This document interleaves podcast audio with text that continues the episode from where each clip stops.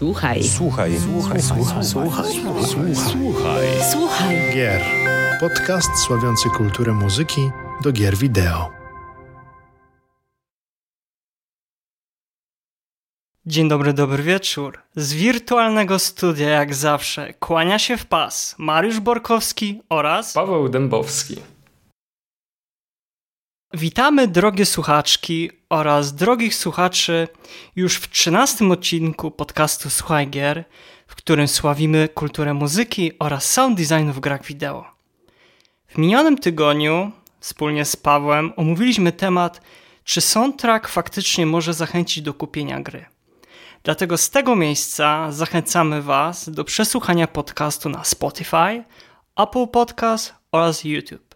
A jeżeli podoba się Wam to, co robimy, to jak zawsze, to jak zawsze serdecznie zachęcamy do subskrybowania programu. Gry point click, nazywane potocznie również wskaż i kliknij, zajmują w moim sercu szczególne miejsce, ale tak sądzę, że nie tylko w moim, lecz również w sercach naszych gości. Dlatego jest niezmiernie miło mi razem z Pawłem powitać w naszym podcaście dwie wybitne kobiety, dla których gry wideo są nie tylko pasją, ale czymś więcej niż tylko elektroniczną rozrywką. Zbieg okoliczności chciał, że obie panie mają na imię Magda, tak więc pozwolę sobie od przedstawienia Magdy Czarneckiej. Cześć Magdo, witaj!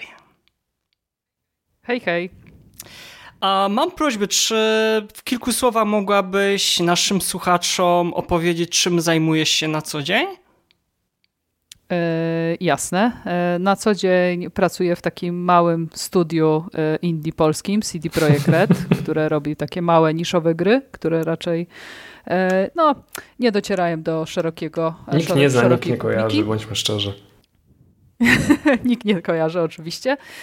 E, e, po godzinach swojego czasu e, również brałam udział w projekcie podcastowym Mana Mana, a obecnie w internecie nie robię do, dosłownie nic, dlatego też bardzo się cieszę, że zostałam tutaj zaproszona, bo bardzo lubię nagrywać podcasty. Tak, poza tym sądzę, że masz, Magdo, taką ogromną wiedzę, że a szkoda by było jej nie, wyko nie wykorzystać, tak więc mam nadzieję, że zaraz po tym podcaście runą na, na twoją skrzynkę propozycje kolejnych spotkań, bo szkoda byłoby tego nie, nie wykorzystać. Rzeczywiście wszystko będzie uzależnione od twojego czasu. Dobrze, no i oczy, o, e, oczywiście, ak, e, żebym też była też wiadomo, Aka Destynka. E, To ja. To jest twoje pseudo. Dobrze, no zaś drugim naszym gościem jest Magdalena Cielecka, osoba, która, tak sądzę, o grach e, Pony wie prawie wszystko. Cześć Magdo, czy również mogłabyś e, siebie w, o, przedstawić i w kilku słowach e, opowiedzieć, czym zajmujesz się na co, na co dzień? E, Cześć wszystkim. Jasne, jak najbardziej mogę się przedstawić, co się powiedzieć. E, Na chwilę obecną e, pracuję w katowickiej firmie Ansher Studios. E, Mam wrażenie, że jeżeli jakby nikt nie słyszał o indie studiu CD Projekt Red, to o nas tym bardziej. Ale, ale zaryzykuję i tak e, powiedzenie o tym. E, pracuję tam w roli e, Head of Production, czyli tam powiedzmy szefowej produkcji, ale również producentki przy e, grze Game Deck. E, Natomiast faktycznie, tak jak sugerujesz, miałam trochę więcej wspólnego z point wcześniej, e, konkretnie pracując w Artifex Mundi e, przy czy to grach Hopa, czy później point and click Irony Curtain. e, Miałam okazję trochę się powyżywać producencko, no ale też nie będę ukrywać, że to są jedne z pierwszych gier, w jakie grałam, a więc też mocno przystające do moich zainteresowań. Nieco zmieniających się obecnie, ale jednak mam nadzieję, że coś tam jeszcze pamiętam. Ja ja wspominam nasze rozmowy, bo wiem, że prowadziłaś wykłady na, na, na uczelni i pamiętam, że kiedyś e, rozmawialiśmy o tym, bo potrzebowałaś chyba jakiejś takiej listy listy f- gier z muzyką właśnie do point klikowych. Pamiętam, że mieliśmy taką krótką dy, dyskusję na, na, na Messengerze, więc to też bardzo mi utknęło w, w pamięci też z tego względu te, e, pozwoliłem sobie z Pawłem zaprosić Ciebie, bo uznaliśmy wspólnie, że to byłoby naprawdę bardzo takie poszerzenie tego, tego, co my już może z Pawem wiemy i też e, Destynka też wie i tak więc sądzę, że dla nas ogólnie to jest taka pasja, ale może o tym, zanim jakby przejdziemy do tego głównego e, wątku naszego spotkania, to ja pozwolę sobie jeszcze ciebie tutaj na chwilę zatrzymać i powiedz mi, co ostatnio słuchałaś, jeżeli chodzi o muzykę do gier, może to być nie tylko sama muzyka, co ostatnio e, wbiło się w twoje uszy? E, no więc tutaj będzie dość specyficznie, to znaczy bardzo chciałabym powiedzieć, e, że mogę wskazać jakiś super interesujący soundtrack e, point and clickowy, natomiast ostatnio powiedzmy, że z gier w ogóle przygodowych jako takich, nieco rozszerzając, grałam w kolejne odsłony Life is Strange, które jak zapewne wiesz charakteryzują się tym, że mają bardzo dużo E, jednak utworów powiedzmy licencyjnych różnego rodzaju. E, w przypadku Life is Strange Before the Storm to jest na przykład e, zespół Dotter, który tam dominuje, jeśli chodzi o utwory. Także ciężko mi tutaj mówić o takim prawdziwym, skomponowanym soundtracku. Natomiast patrząc na nieco szerzej na tytuły, w które ostatnio grywam, to myślę, że wybija się na pewno Outer Wilds jako na plus. E, I e, Monster Prom na minus ma potworną, powtarzającą się muzykę i jakby przeważnie ją wyciszam i serwuję sobie coś innego. Oj, to pa Paweł jest chyba w niebie, bo to jeżeli chodzi o Before the Storm, to jest chyba jego jedna ulubiona ścieżka dźwiękowa. Paweł, z całej, z całej trylogii, jaka do tej pory wyszła, czyli Life is Strange, Life is Strange Before the Storm i dwójka, tak, Before the Storm jest moją ulubioną ścieżką dźwiękową z tej serii. To 100% zgody, mam, mam to samo. To chyba czekacie teraz na kolejną Oj, tak, odsłonę. oczywiście, że tak. Oczywiście, że tak. Oj. No. Tak, chociaż to chyba dopiero super, okolice chyba września staje się. Ja, jak nowy Judgment. Tak, super, o, mo, o mój Boże, wszystko się gra. na jeden miesiąc przekłada. Tak, Dystynka, bo chciałaś coś chyba tutaj dopowiedzieć. E, tak, że e, jako pierwsza gra z serii wychodzi jako całość. Tak. W sensie nie będzie grą odcinkową i jestem ciekawa, jak, jak to wyjdzie, bo jednak te cliffhangery po poszczególnych odcinkach Life is Strange miały coś bardzo fajnego w sobie. Jestem ciekawa, czy taki klimat i i taką w ten sposób serwowania fabuły, czy, czy uda się rzeczywiście w grze, którą można przejść od początku do końca na jedno posiedzenie, jak się ktoś uprze, nie czekając na odcinki. Okej. Okay. Kali, dzięki wielkie za podzielenie się tym, co ostatnio e, przesłuchałaś. My po, postaramy się też wrzucić to pod, na kanale YouTube, na samym dole pod opisem, żeby osoby mogły posłuchać też tej muzyki. Tak więc wielkie dzięki. Dystynka, a jak to u ciebie było? Co, co ostatnio słuchałaś? Co mogłabyś się tutaj podzielić z nami? E, war, war, nie, wartego uwagi, nie wartego uwagi, nieważne. Ważne, co ostatnio co wpadło ci w ucho. Eee, jak e, zaprosiliście mnie tutaj do, do podcastu, to właśnie troszeczkę się postanowiłam doedukować, e, jeśli chodzi w ogóle o muzykę z point, z point clicków. E, I trzeba przyznać, że ostatnio katowałam praktycznie cały tydzień w pracy e, soundtrack z Hopkinsa. E, I kurczę, to jest ta, taka, taka nostalgia, bo szukałam po prostu sobie, e, wiecie, gier, o których też mogę coś opowiedzieć, gier, w które, w które grałam. I kurczę, po prostu ta muzyka z Hopkins FBI i ta główna melodia z, z menu, e, teraz oczywiście mi wypa wypadło z głowy, a miałam przygotowane, e, jaki zespół e, nagrywał, nagrywał te piosenki, bo tam par, chyba trzy utwory z, z takiego brytyjskiego zespołu zostały. The Dogs chyba, Blumegus i jeszcze jeden był.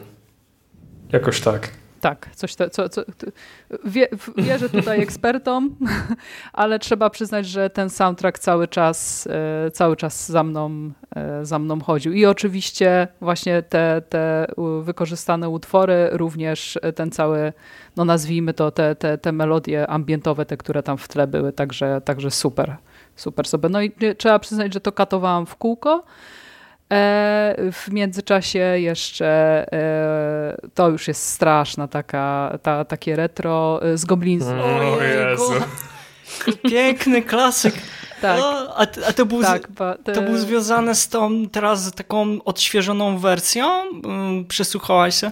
Nie, te, te, te stare Ojej, jeszcze, te, te tak. takie przestrojone dźwięki, super, Hmm. bo to jest e, dla mnie też ba bardzo, bardzo fajne wspomnienie, bo to jeszcze były te czasy, kiedy z kuzynostwem czy, czy, czy z dzieciakami e, od rodziców jakichś znajomych się siedziało przy jednym komputerze i się w to grało, więc po prostu ta, taką nostalgią mi oby e, te, te, te e, zaserwowały mi oba te soundtracki, że naprawdę super, super muzyka, ale myślę, że o tym jeszcze będziemy e, dalej mówić. No ale to, to było katowane tak mocno przez, przez ostatni tydzień. Cudownie. Fajnie, wielkie, e, wielkie dzięki Dystynka.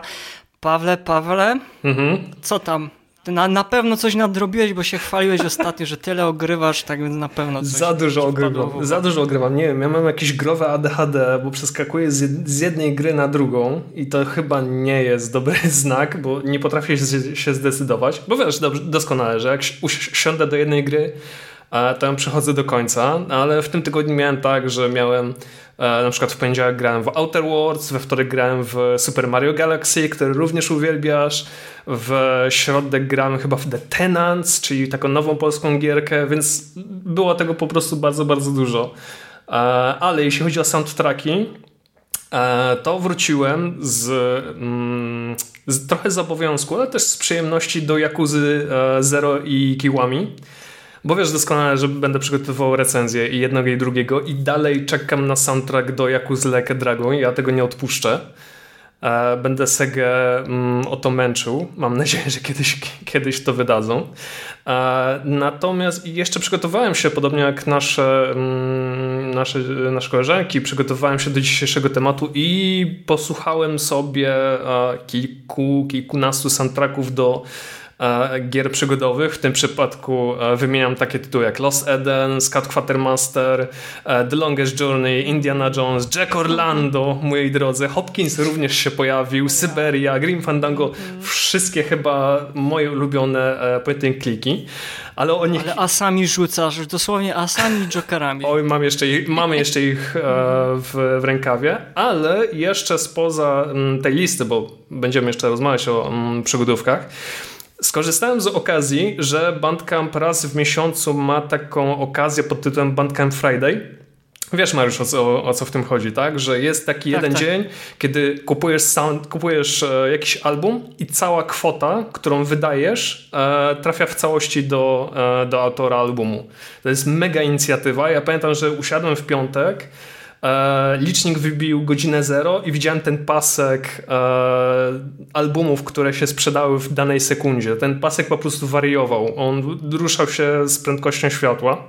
I skorzystałem z tej okazji i kupiłem sobie trzy albumy. Pierwszy jest Fez, no wiadomo, z muzyką Disaster Peace. Chyba o, o Fezie już mówiliśmy wielokrotnie, więc nie będę się mm, powtarzał. Ale drugi album to jest Celeste Classic 2 od Len Rain. To jest e, album związany z drugą częścią Celeste, która pojawiła się w, na stronie tego projektu Pico 8 bo ekipa, która stworzyła wcześniej Celeste, stworzyła jak gdyby sequel, który jest y, fakt faktem krótszy, ma kilka fajnych rozwiązań, no ale też przyjemnie się mm, w to grało i również przyjemnie się słuchało. I tutaj trzecia, trze, trze, trzeci album i jednocześnie chyba ciekawostka, bo trzeci album pochodzi z gry Murder by Numbers. I to jest taka gra, e, którą mógłbym połączyć e, visual novel z grą logiczną. Boże, nie wiem jak się, jak się e, nazywają te zagadki. Nie Picrossy? Może to jest Picross? Tak, wydaje mi się, że, że, że to, to, to jest Picross. E, ta, ta, ta gra z tymi liczbami i zakreślaniem e, odpowiednich pól. Bardzo mi się ta gra podobała e, i bardzo mi się również muzyka podobała, bo jednocześnie nastrajała mnie do samego grania, do myślenia. W ogóle była fajna, klimatyczna muzyka i pogmerałem trochę i o tej grze, i o muzyce. I teraz słuchaj tego. Grę stworzyło Mediat- Mediatonic. E, kojarzysz e, firmę? No właśnie, nie to wiem, ja ci, to ja ci mogę powiedzieć. To są te same osoby, które stworzyły Fall Guys. A, Na przykład. Zresztą spojrzałem, na, okej. spojrzałem na ich, e, na ich To jest dwójka kompozytorów y, chyba, jeżeli E, tak, w Fall Guys tak. W przypadku e, Murder by, Murder by, by ha, Numbers e, autorem muzyki jest Masasaku Sugimori, który stworzył mnóstwo, całe mnóstwo soundtracków e, do gier e, z Capcomu, także to nie jest jakiś e, no-name, którego nikt nie zna. To jest po prostu wow, że takie malutkie studio zatrudniło u siebie takiego człowieczka jak on. A ma na swoim koncie na przykład Breath of, the, of Fire 4, Phoenix Wright, Professor Lighton vs. Ace Attorney, Ghost Trick, Phantom Detective, także no trochę tego ma, ma tego na koncie i powiem to tak, kupiłem soundtrack, słucham go teraz e, w zasadzie e, w kółko na okrągło, bo jest po prostu dobrze zrobiony. To nie jest jakieś może ogromne, wielkie, wielkie arcydzieło, e, któremu moglibyśmy przy, przyznać znaczek jakości, ale mnie się naprawdę bardzo podobał. To był bardzo udany zakup z mojej strony. Okej, okay, no to cudnie, no to słuchajcie, to ja jeszcze dorzucę do tego grubego, wypaśnego wora muzycznego, jaki udało nam się dzisiaj zebrać. A tak więc e, u mnie jest jeden album taki związany z grą i niezwiązany z grami wideo. Album to jest Demachi Tamarariki, mam nadzieję, że to dobrze wymawiam, zespołu Hewaka Kotuia i to jest e, płyta nagrana dwa lata temu przez nowozelandzką formację, która na co dzień zajmuje się krzepieniem kultury społeczności, która żyła na tamtych ziemiach jeszcze przed samą kolonizacją. No i muzyka jest jest przepełniona takimi folkowymi dźwiękami instrumentów pochodzących z kultury nowozelandzkiej. E, no ale nie zabrakło też pięknych i ciepłych wokaliz, które grzeją niejedną osobę w mroźne jesienne noce. No teraz już tych jesiennych nocy nie będziemy mieli, bo to już lato już praktycznie za rogiem nas już powoli e, wita. Tak więc tutaj jakby z tego miejsca serdecznie polecam na pewno ten album. A drugi album, no to to jest pe pe perełka, bo ja się bardzo cieszę, bo się w końcu udało mi na winylu dostać. To jest Via Ribbon Masai Matsury. Czyli tak naprawdę zanim pojawiła się muzyka do Katamari Damacy, Loco Roco czy Patapon, był w pierwszej kolejności e, Via Ribbon z Sony PlayStation z jeszcze niedorzecznymi oraz zwariowanymi dźwiękami, które pokazują kwintesencję japońskiego popu. Nie jest to ani muzyka klubowa, nie jest to ani elektroniczna, raczej mamy do czynienia tak naprawdę z festiwalem melodii upchanych w kilku dźwiękach przypominające nam o japońskim minimalizmie. Taki chillotowy Jeżeli... soundtrack, soundtrack to był. Tak, Bardzo. tak. I no dokładnie, jeżeli nie straszna naszym słuchaczom i słuchaczkom e, japońska psychodela oraz niekonwencjonalne wokalizy, no to sądzę, że muzyka do Via Ribbon jest tego, czego e, szukacie. Dobrze, no cudownie, no mamy strasznie dużo tej muzyki i od razu przejdę do pytania i tutaj bym chciał zadać te pytanie w pierwszej kolejności e, Kali. Kali, pamiętasz może jak u ciebie się zaczęła przygoda z grami point click? To jest doskonałe pytanie. E, wydaje mi się, że na pewno nie wskażę pierwszego tytułu. To będzie raczej, raczej trudne. Pamiętam konglomerat różnych, e, różnych gier point w które wtedy grywałam. W ogóle gdzieś tam na swoim pierwszym e, pierwszym kompie, powiedzmy w domu, razem z bratem zresztą często graliśmy i to były na pewno na pewno Broken Swordy, pamiętam, że też gry z serii Zork. E, to były też takie tytuły, które, które nam mocno zapadały w pamięć, no bo razem to rozwiązywaliśmy e, i razem próbowaliśmy przechodzić dalej. Natomiast na przykład takie klasyki jak, jak Monkey Island pojawiły się u mnie dużo później, w sensie już na emulatorach, E, po jakimś tam czasie. No teraz to już rzeczywiście zostały wydane różne remasterskie wersje, które, które mam pewnie na kilku, na kilku sklepach e, pecetowych. Natomiast wydaje mi się, że takie pierwsze mocne wspomnienia związane z przygodówkami to mam właśnie przede wszystkim e, z drugim Broken Sortem e, i z Zorkiem e, Grand Inquisitor, który, który zresztą pamiętam, że miałam kupiony w pudełku na pececie i znaczy na płycie i tak dalej, na czterech płytach chyba nawet, e, którym, którym się po prostu zagrywałam niesamowicie długo. Ja pamiętam, jak kiedyś chyba wspominałaś, ponieważ e, Revolution Software już dawno, dawno chyba nie istnieje i, i kiedyś była taka chyba reedycja, taka duża, wypaśna, kolekcjonerska wersja. Pamiętam, tak, tak, tak, tak, pamiętam tak, mam ją. Tak, tak więc szczere gratulacje, bo to jest prawdziwy, to jest historia tak naprawdę gier, gier point-clickowych, ale i, i tak szybko jeszcze chwilę pociągnę ten e, temat tej, tej przygody, po, pozwolę sobie.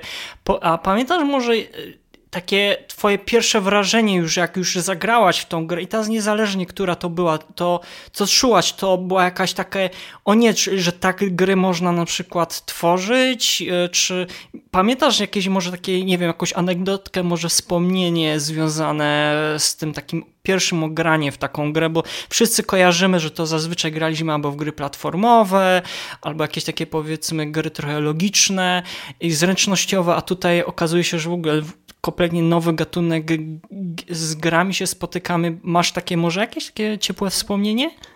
E, na pewno, to znaczy wydaje mi się, że masę wspomnień, e, one niekoniecznie są ciepłe, myślę, że bywają różne, okay. E, ale mam w związku z zagadkami, no bo to jest coś, co oczywiście gdzieś tam się wypala w głowie, zwłaszcza jeżeli się męczyło na przykład, wiadomo, przed erą internetu, przed łatwym dostępem do solucji, można było kilka dni właściwie się głowić, jak tam przejść dalej.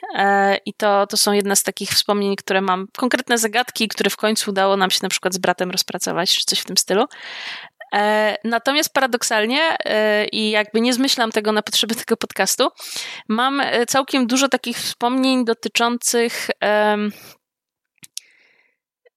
czy to konkretnych jingli, które się odpalały, czy takich zmian nawet w nastroju muzycznym w momencie, w którym coś się fabularnie wydarzało. To znaczy w przypadku Revolution Software to przede wszystkim w ogóle pamiętam jakby muzę na pojawienie się logo, nie? Ale, mm. ale też kojarzę po prostu moment, kiedy właśnie nagle się coś odblokowywało, y, robiliśmy coś i jakby no, otwieraliśmy te metaforyczne tak drzwi, jeśli chodzi o graf e, samej, samej przygody i mogliśmy już grać dalej i tam przeważnie był jakiś e, sugestywny dźwięk, który pokazywał pokazywał, oho, właśnie zrobiłeś coś ważnego, teraz będą nowe, nowe możliwości, więc, więc te dźwięki mam faktycznie gdzieś tam w głowie e, wypalone. Mm, tak, to jest chyba jeden z takich e, pięknych wspomnień, które mam nadzieję, że zachowamy na, na, na, na długo. Dobrze, dzięki Kali wielkie. E, Dystynka, a jak to u Ciebie były te przygody, Twoja jak się rozpoczęła przygoda z grami po jeden klik od razu tutaj dodam, czy pamiętasz też może właśnie tak e, ciepło, chłodno, może, zi, e, może zimniej jakoś e, takie wspomnienie, wspomnienie z tym początkiem przygody? Mhm. E, wiesz co, no, najcieplejsze wspomnienie i grę, którą najbardziej kojarzę, jeśli chodzi o point and clicki, to już troszeczkę później, bo jeśli mnie pamięć mije, to jest 96 albo 98 rok, to jest ten agent. E, tam muzyki za bardzo nie było, z tego co, z tego, co ja mhm. kojarzę. Natomiast e, ja pamiętam jeszcze bardzo e, mocno dźwięki z PC Speakera, które robiły E, robiły wtedy, e, wtedy klimat i pamiętam, że ja w tą grę na przykład grałam na monitorze jeszcze czarno-białym. Więc ja nawet nie widziałam, żeby ta gra była kolorowa. No. E, ale pamiętam, że tak naprawdę jak byłam takim już świadomym graczem, że gry komputerowe mi się podobały nie, nie dlatego, że po prostu, żeby tam coś poklikać na komputerze, tylko rzeczywiście, że one mają fabułę i można ją przejść od początku do końca, e, to tak trochę w opozycji do tego, co ty Mariusz powiedziałeś wcześniej, to ja mam wrażenie, że e, były tylko i wyłącznie gry point and click e, w pewnym momencie, czy tam do, do, do, dodawane do jakiś czasopis, czy coś. Pamiętam, że no to takie chyba bardziej właśnie po, polskie klasyki gdzieś tam właśnie. E, oprócz tego ten agenta, no to był e, Kajko i Kokosz, była Jezu, teraz mi wypadło z głowy. Pierwsza, pierwsza taka polska gra Złotej co? Taka, sta, taka stara, stara mega przygodówka. Ale chodzi o tajemnicę statuetki?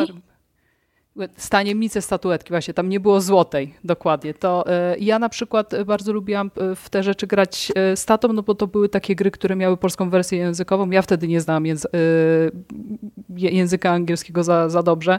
Mój tata zresztą no, no też nie i pamiętam, że w takie gry, czy na przykład w ten agencie, to, to jeśli chodzi o to, co Kari powiedziała o zagadki, to cały czas pamiętam, jak się ziemniaka w folię zawijało.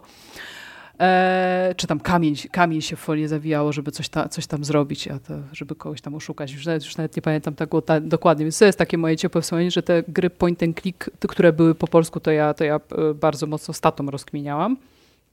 E, a, hmm, a pierwszą grę, którą na przykład przeszłam od początku e, do końca, taką e, point and click. Dużo, dużo, dużo lat, lat później, no to był remaster Monkey Island. Wstyd przyznać, ale ja przygodówek bardzo często nie kończyłam. Mm, trudne, trudne, trudny gatunek, jakby nie patrzeć. Mhm. Ale to i, Szczególnie, że był bardzo popularny, kiedy my też byliśmy, e, no przynajmniej ja, e, e, dość młodzi, więc czasami właśnie to, to zacięcie się na, na zagadce na, na parę dni u mnie na przykład sprawiało, że na przykład taka, taka gra szła do tego przysłowiowego kosza, tak, że już nie miałam ochoty po prostu do niej wracać, no gra mnie pokonała po prostu w pewnym momencie. No i trzeba przyznać, że w dorosłym życiu, jak zagrałam w ten remaster Monkey Island, to ta gra też mnie prawie pokonała parę razy, bo poziom abstrakcji tych niektórych zagadek był po prostu over 9000 i, i no, to, to, to, to było dla mnie nie do przeskoczenia. Mm. No, myślę, że chyba każdy z nas się tutaj może przyznać, że niejednokrotnie nas gra pokonała z tego gatunku.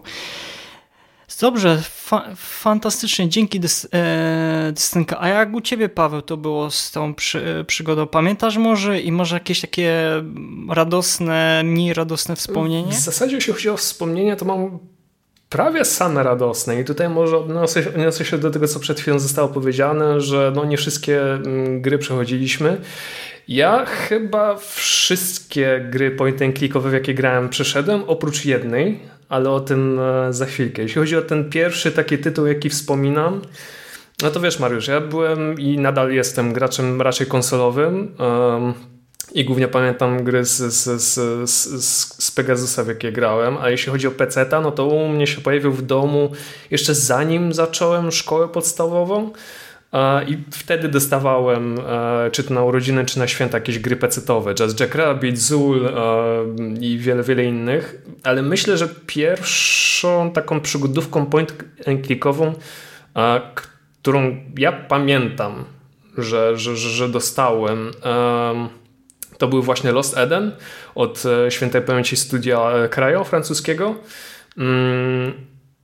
I podobało mi się w tej grze wszystko. I oprawa graficzna, dźwiękowa, fantastyczny, e, fantastyczny soundtrack, wręcz majstersztyk, e, taki bardzo new age'owy. I nadal pamiętam ten motyw, który mm, dział się w Cytadeli Mo, czyli w e, miejscu, w którym e, znaleźli się ostatni, ostatni ludzie w, na świecie opanowanym przez, e, przez dinozaury.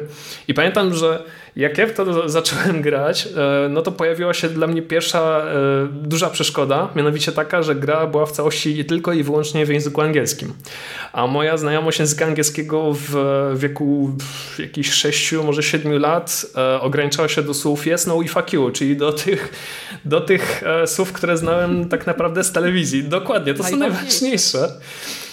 Więc mój ojciec postanowił mi pomóc, czyli usiadł obok mnie przy komputerze, no i razem klikaliśmy e, w różne przedmioty czy w postaci. Jeśli jakaś postać coś mówiła, no to mój tata próbował coś tam przetłumaczyć i okej, okay, ja to rozumiałem. Dopiero po wielu, wielu latach dowiedziałem się, że mój znajomość języka angielskiego u mojego taty była mniej więcej taka sama jak moja wtedy. Czyli troszkę robił mnie w konia, ale chciał dobrze, co ja mogę powiedzieć.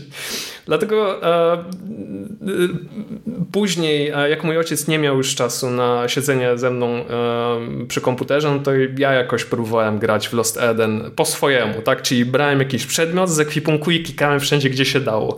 Jak poszedłem dalej, e, jak udało się, przedmiot zadziałał, no to następny przedmiot i tak dalej, i tak dalej. I tak samo. Chociaż fabuły średnio rozumiałem. Wiedziałem tylko, że jest e, taka postać, która się nazywa Morcus Rex, czyli jedyny tyranozaur odziany w zbroję i który opanował w zasadzie prawie chyba całą planetę, tak mi się przynajmniej e, kojarzy, pamiętam, no i trzeba było go pokonać. I to, było, i to była podstawowa fabuła i tyle pamiętałem. I pamiętam, że Lost Eden przeszedłem lata, lata później, kiedy pojawił się na GOG.com. Jak zobaczyłem e, Lost Eden na Gogu za śmieszne pieniądze, po prostu ten tytuł kupiłem i przeszedłem całość. Taki drugi tytuł, który ja pamiętam, to był właśnie Scout Quatermaster z muzyką Tomka Leibicha. Mieliśmy z bratem taką umowę, że przechodziliśmy tę grę razem. Nie, nie tylko dlatego, że mój brat jest starszy ode mnie o 5 lat, więc wiadomo, mm, pierwszeństwo miał on siedzenie przy kąpie, ale dlatego, że zagadki w skaucie były pokręcone, naprawdę pokręcone. Jeśli ktoś mi, mi, powie, że w Green Fandango czy w jakimś innym tytule były jakieś dziwne zagadki, e, no to polecam Scout Quatermastera, gdzie żeby wywołać piorun, który uderzy w gałąź, która później e, przyda nam się w późniejszej misji, trzeba było e, nakarmić wcześniej kreta jakimś zatrutym serem, e, założyć tego kreta na, na wiaderko i używać go jako bębenka. No to jest, to jest naprawdę jeden z jedna z nielicznych zagadek, które się tam pojawiają. Jeszcze pamiętam taką zagadkę, że trzeba było przywołać ducha i uderzyć go patelnią, żeby dostać sztuczną szczękę.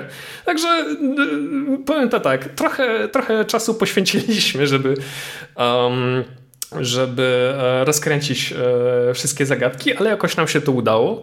No później oczywiście pojawiły się takie tytuły właśnie jak e, Teen Agent, Książę Tchórz, Saltys, Um, Indiana Jones, The Fate of Atlantis to również tytuł w języku angielskim, więc były pewne trudności, ale przeszedłem tę grę po iluś latach, to samo jak z Secret of Monkey Island czy z Maniac Mansion.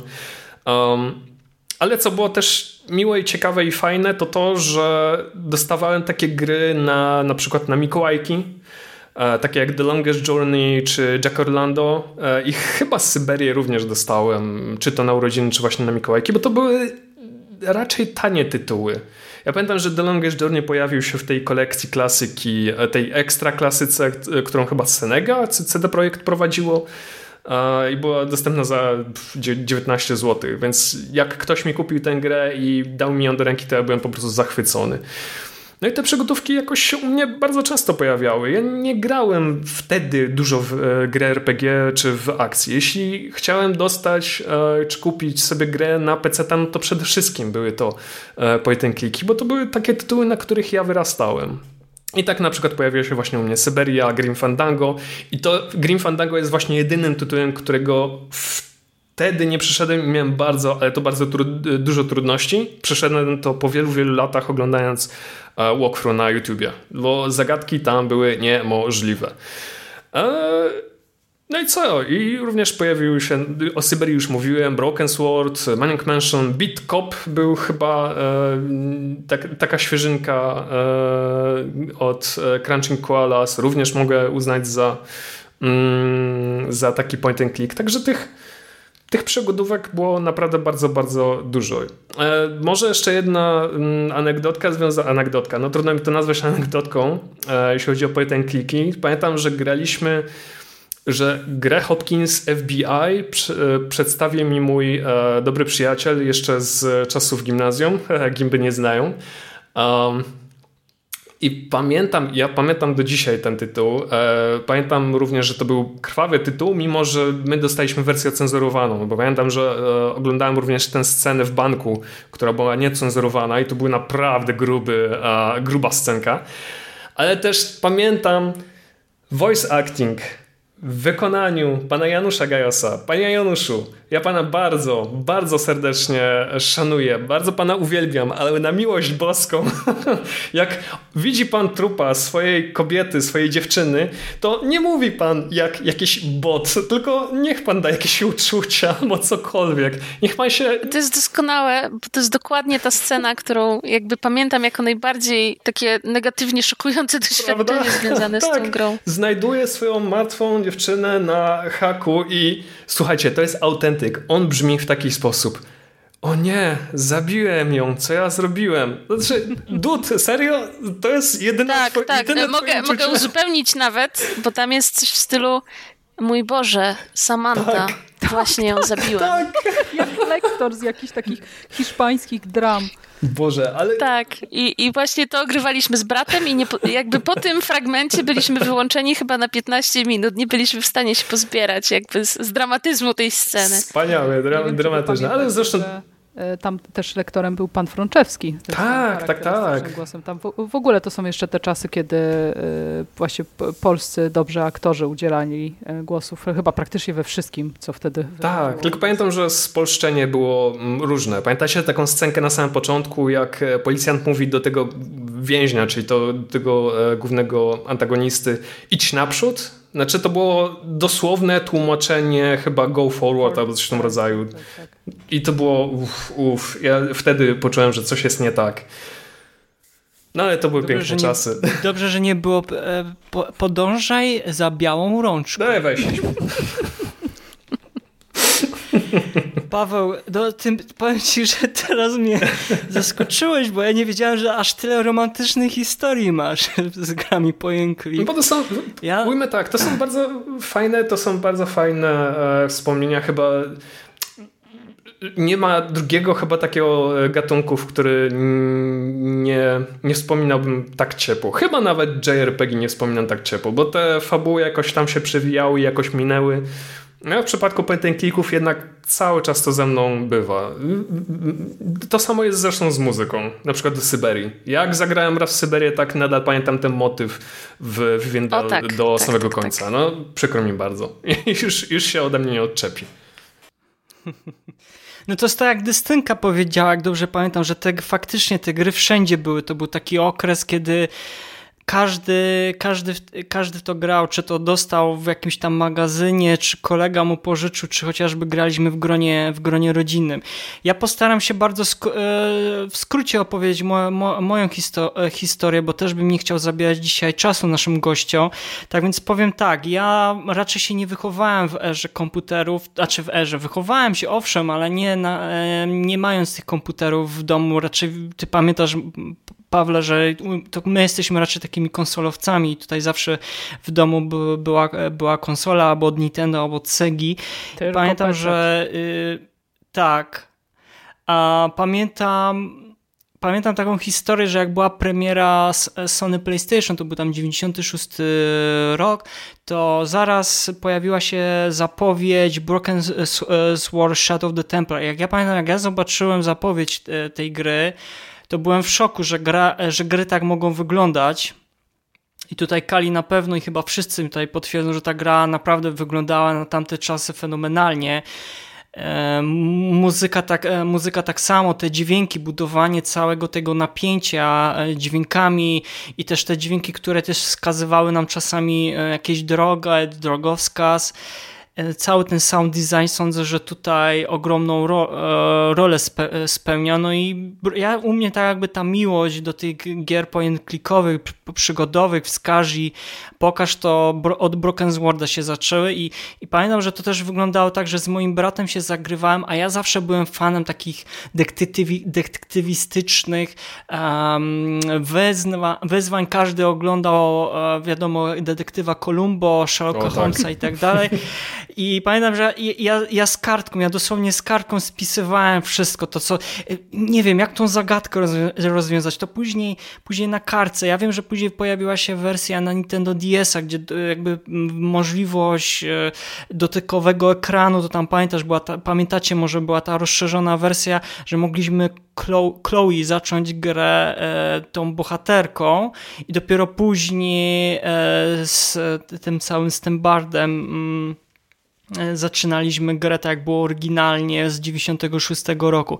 Tak więc moja, moja miłość i pasja, no może pasja nie, ale pasja jakby takie zaoczarowanie tymi grami e, zaczęła się od Broken Sword, zarówno od strony muzycznej, tak jakby całego tego scenariusza i tej przygody. Czuło się tą przygodę.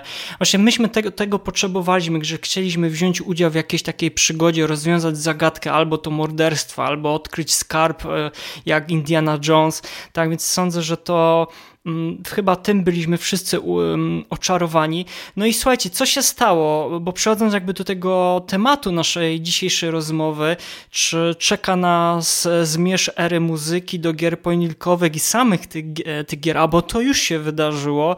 I ja pamiętam takie, takie, takie dwie da, daty. Pierwszą taką da, datą był, e, to był, kiedy pojawił się Grim Fandango. Grim Fandango w takim złym momencie trochę się ta gra pojawiła od Double Fine Production i, i, i Tima Schaffnera i też to jeszcze pamiętam, to były czasy Lucas Arts, to on się w takim złym momencie ta gra pojawiła, bo tam był taki nagle przeskok między generacjami konsol, komputerów i ludzi, ludziom, graczom już jakby już nie chciało się za bardzo grać w e, gry przygodowe i point-clickowe i pamiętam, że to był taki troszeczkę gwóźdź dla trumny. To był taki pierwszy gwóźdź dla trumny. I później kolejny niestety, tutaj będę miał pytanie do naszego, e, naszych gości, i do ciebie, Pawle. Broken, e, Broken Age, 2014 rok. Naprawdę, jakby nie patrzeć po tych wszystkich zawirowaniach e, związanych z tą grą, dobry, dobry tytuł, ale sądzę, że po tym tytule nagle znowu też wszystko tak stane stanęło, jeżeli chodzi o gry panikowe. I teraz pytanie, e, zacznę od Destynki. Jak sądzisz, że czy faktycznie już ewidentnie czeka nas już ten zmierz e, gier pojedynkowych i też tej mu muzyki do tych gier. Czy to już może nastało? Jak, to, jak ty to widzisz, Destynka? Wiesz co, yy, ja bym powiedziała, że ten, ten koniec gier point and click to już się wydarzył, bo jeśli spojrzymy na yy, no, bo, bo to tak wyjdę, wyjdę od tego punktu, a pójdę, później przejdę do tego, o co mi naprawdę chodzi. Jeśli, jeśli chodzi o na przykład czarty sprzedażowe czy coś, to tam nie ma gier point and click. Te czasy, kiedy na top 10, e, nie wiem, w czasopismach, no teraz mamy jakieś tam Metacritic i tak dalej, e, Open Critic'i, e, to bardzo, bardzo, bardzo rzadko pojawia się gra point and click albo gra około point-clickowa. Ostatni taki głośniejszy tytuł, który się e, obił e, jako po prostu dobra gra indie, a w sumie tak jest, tak jeśli chodzi o mechanikę point and clickiem, to dla mnie jest Night in the Woods. Mhm. E, swoją drogą też z fantastycznym sa soundtrackiem. E, ale jak się patrzy na e, lata wstecz, czy to, co powiedzmy jest zapowiedziane na, na, na następne lata, co już wiemy, że powstaje, tam gier, gier point and click nie ma. E, więc mi się wydaje, że to już się, że tak powiem, w pewien sposób wydarzyło. No i nie ukrywajmy, że cały rynek gier też się, też się zmienił i tak jakby te, my jako gracze też ewoluowaliśmy, no i po prostu gramy teraz w zupełnie, w zupełnie inne, inne tytuły. E, jeśli chodzi o ten rynek gier tych, tych największych, tak? Teraz są tak zwane action adventure, które nie ukrywajmy czasami są y, praktycznie identycznymi grami, tylko się zmienia, zmieniają widoki ekwipunek głównego bohatera. E, I takie na przykład Night in the Woods dla mnie jest e, perełką w ciągu ostatnich takich, nie wiem, trzech, czterech lat przynajmniej, tak? E, przedtem pamiętam jeszcze wychodziła Deponia, trylogia Deponii, która też jest, no, jakby nie było takim z krwi kości po point and clickiem. I sporo, sporo ludzi w to grało. E, był, był że tak powiem, no, nośny temat, tytuł, tytuł był znany.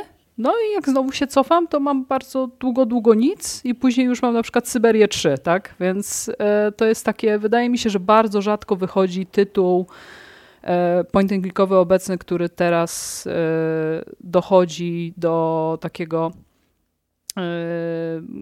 do większej liczby graczy.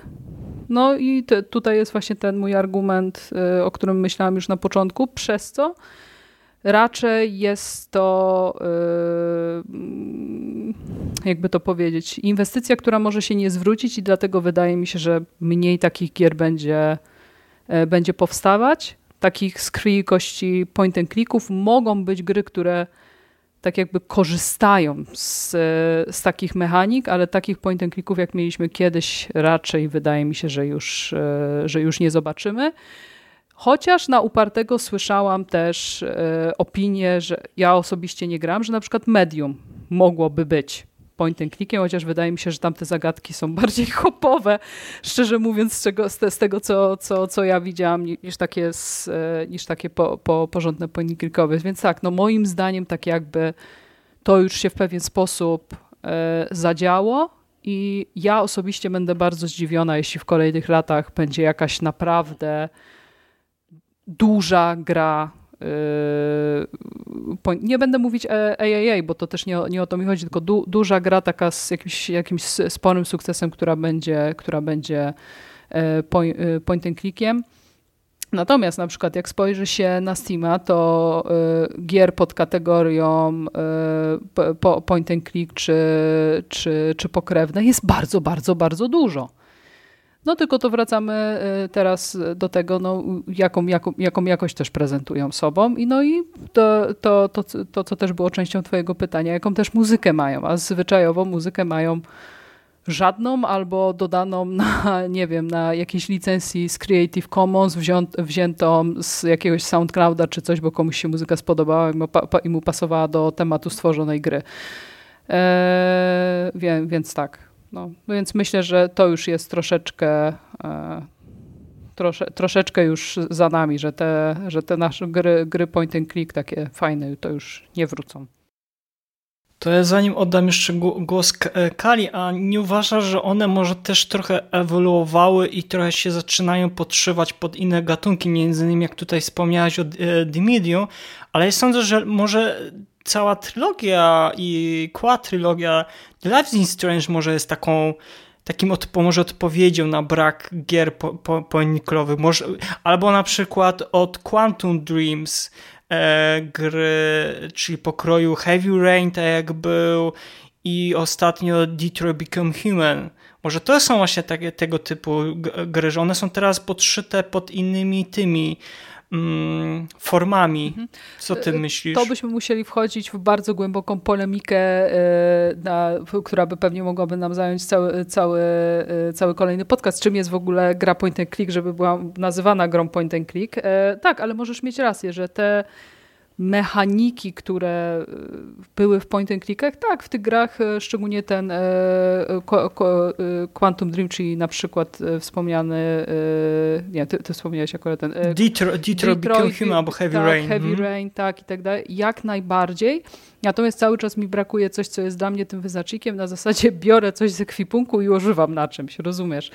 E, takie rzeczy oczywiście się pojawiają nawet możemy tutaj zahaczyć w Resident Evil 7, gdzie chodząc, e, czy obecnie w ósemce, czy na przykład w demku, które, że mamy jakieś przedmioty w ekwipunku i trzeba je wsadzić w odpowiedni otwór i na przykład nacisnąć coś w sekwencji, żeby się coś otworzyło. No brzmi jak zagadka z point and clicka, tak? Więc ja nie mówię, że elementy e, point and clickowe umierają, bo to jest bardzo fajna mechanika wykorzystywana w ten czy inny sposób w bardzo wielu grach. Natomiast jeśli chodzi o yy, gry point and click takie stuprocentowe, no to ja uważam, że one są dead, a ewolucja się zadziała w elementach e,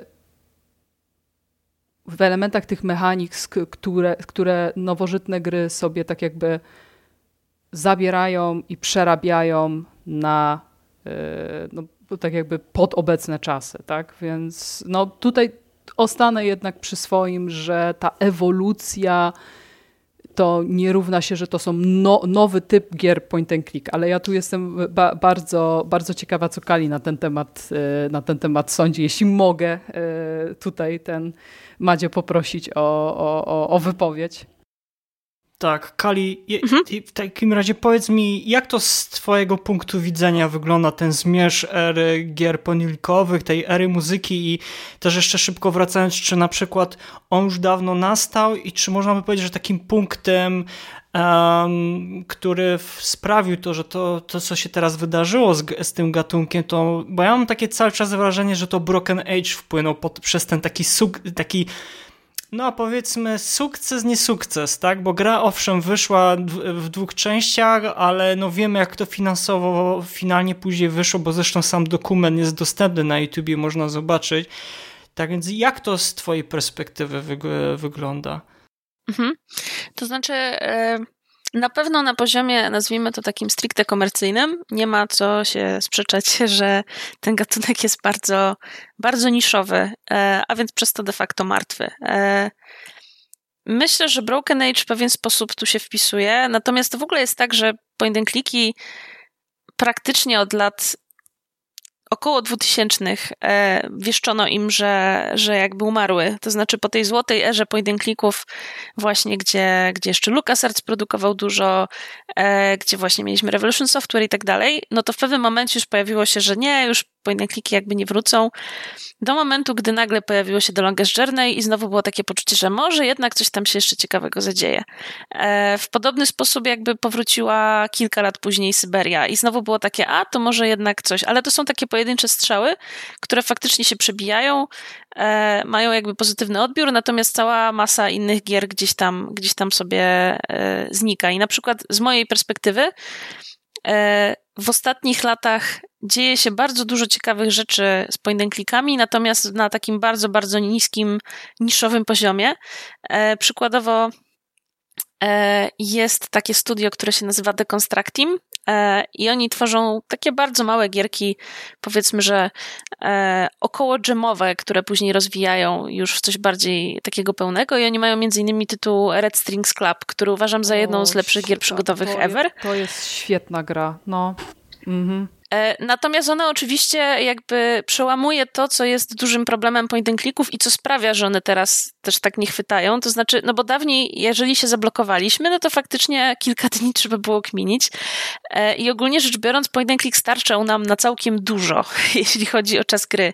E, a teraz jakby z dostępnością solucji, z możliwością jakby też upraszczania trochę tych zagadek, bo jednak gatunek ewoluował też w stronę pewnego uproszczenia, no to mamy do czynienia z taką niespecjalnie regrywalną, małą, krótką grą fabularną, która, która pokazuje nam się raz, trwa kilkanaście godzin, przeważnie tam powiedzmy 10 do 15 i już więcej do niej nie wracamy, co jest jakby bardzo dużym problemem w kontekście tego, że jednak w tej chwili na fali raczej są gry, które pozwalają na e, regrywalność, na granie z innymi graczami itd., tak itd., tak więc point kliki kompletnie jakby sobie tutaj z tym nie radzą, natomiast są twórcy, przeważnie indie, przeważnie idący właśnie w stronę na przykład pixel artu przy, przy swoich produkcjach, którzy próbują eksperymentować z tym. E, jest na przykład taka gra jak Anavolt e, od chyba Wadget Eye Games, jeśli dobrze pamiętam, studio, która z kolei pozwala nam wybierać postaci i ma kilka zakończeń i jakieś tam ścieżki przy zachowaniu tych mechanik point and clickowych. Więc e, jakby myślę, że takie małe, małe studia są w stanie robić ciekawe eksperymenty, ale no nikt tam raczej nie liczy na to, że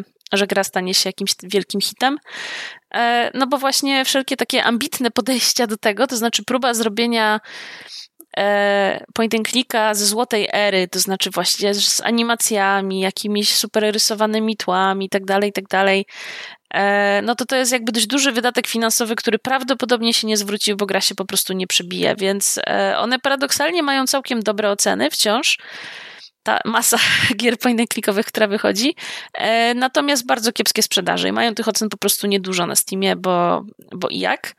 E, no i druga kwestia jest też związana z tym, co, co Dystynka mówiła, to znaczy odnośnie tego, że na przykład kategorii point and click jest bardzo dużo na Steamie, czy w podobny sposób kategorii adventure, ale one obejmują też bardzo dużo gier, które w ogóle jakby nie, nie wpasowują się w nasze rozumienie point and clicków. To znaczy, akurat na Steamie ten tag jest przypisywany do każdej gry, która jest mocno sterowana jakby interfejsowo, czyli teoretycznie w, bywa, że RTS-y są nazywane point and ze względu na to, że jakby wskazujemy i klikamy, więc, e, więc tutaj łatwo, łatwo też wpaść po prostu w taką pułapkę, że teoretycznie jest tego dużo, ale bardzo dużo z tych gier to są zupełnie inne kategorie. Adventure to jest w ogóle jakby kategoria oznaczająca w tej chwili nic, bo właściwie każdą grę można podpiąć pod, pod tak adventure.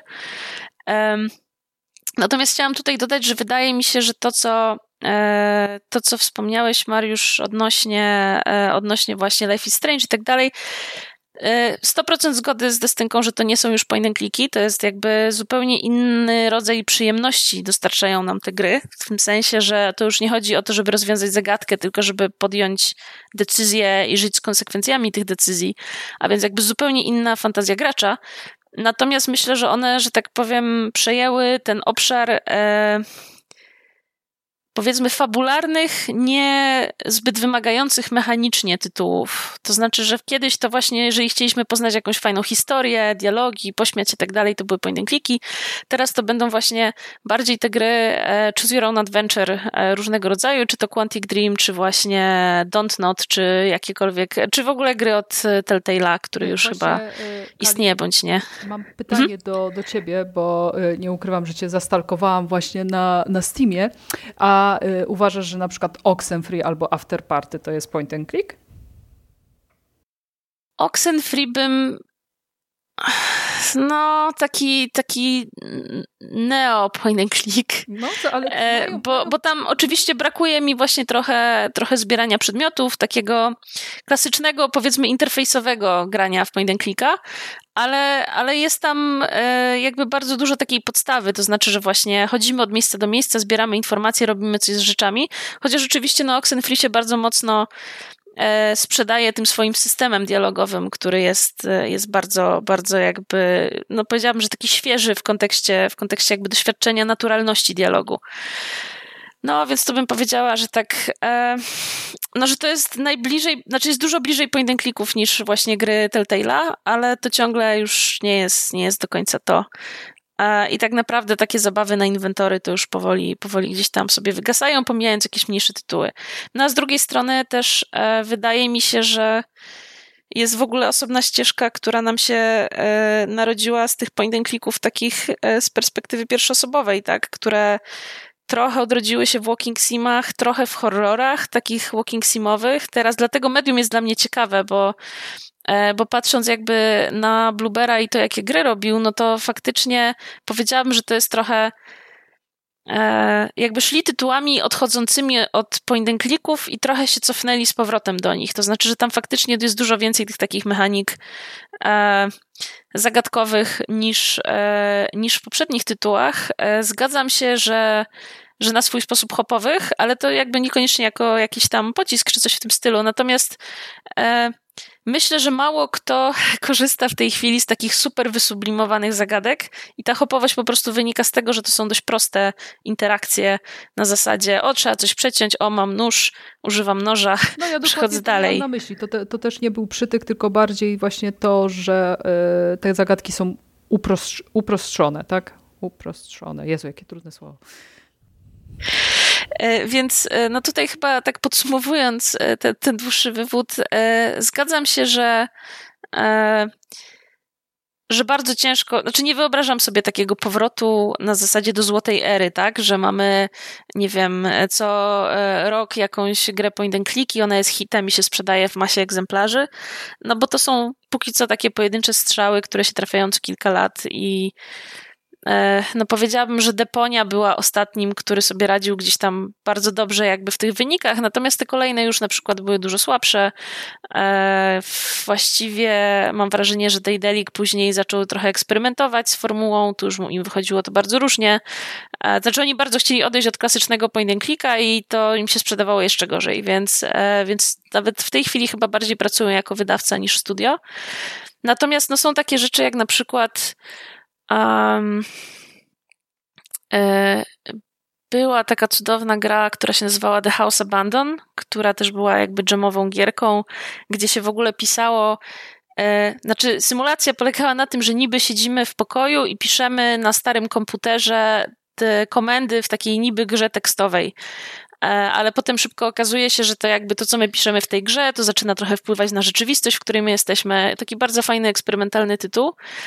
E, czy e, na przykład była taka gra jak Subsurface Circular, która, która chyba od nie od sama Barlowa, od kogoś innego ale nie przypomnę sobie teraz, która też jakby bardzo mocno bazowała na tej takiej e, podstawie point and clickowej, gdzie tych mechanik jest niedużo, przede wszystkim jakby kombinujemy na poziomie dialogów, przedmiotów, zagadek. E, i to wszystko są oczywiście takie e, jakby to dobrze pisać, takie miniaturki growe, które, które mają jakiś konkretny pomysł na siebie, ale bardzo zamknięty, bardzo taki skromny i eksperymentalny. I to jest dla mnie na przykład bardzo fajne, że mogę e, zobaczyć, co jeszcze da się wycisnąć jakby z medium na poziomie takich małych budżetów i, i, i małej skali projektu. No ale oczywiście to jest kompletnie nie, e, nie utrzymujące się na poziomie finansowym.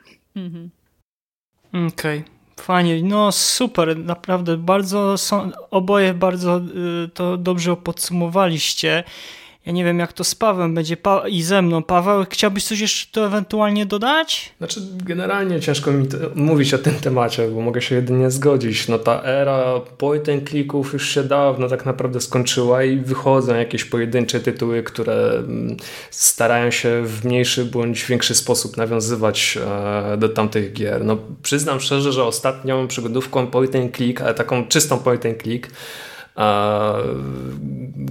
którą mogę tak określić, no to było Irony, Irony Curtain. Tak naprawdę. To jest tytuł sprzed, y, powiedzcie mi, chyba dwóch lat. Dwóch lat. No. Tak, 2000, 2000... powie dokładnie jeszcze. No, do, dokładnie, 2019 rok i wcześniej było długo, długo, długo nic tak naprawdę. No, to już zostało przez dziewczę powiedziane, że jeśli wejść na Steam, to rzeczywiście tych y, gier point and clickowych jest naprawdę bardzo dużo. Jest naprawdę bardzo dużo, ale żeby przesiać wszystkie, sprawdzić, które naprawdę nadają się y, do tego, żeby o nich cokolwiek napisać, żeby prezentowały sobą jakąś, nie wiem, jakościową wartość, jest naprawdę bardzo, y, bardzo mało takich tytułów. Chyba było takie jedno światełko w tunelu, w postaci Dave'a Gilberta. Tak? On jest e, człowiekiem, który stworzył taką grę jak Shiva, czy serię The Black, The Black Legacy i wcześniej e, stworzył taką grę Gemini Rue, mam nadzieję, że tak to się wypowiada i to było takie malutkie światełko. No, była taka gra, rzeczywiście. Tak, i o, było... O, i, demonach. No, no. Tak, dokładnie. I było, było to, właśnie takie małe światełko w tunelu pokazujące, ok, może coś się jednak uda. No ale jak tak patrzę na...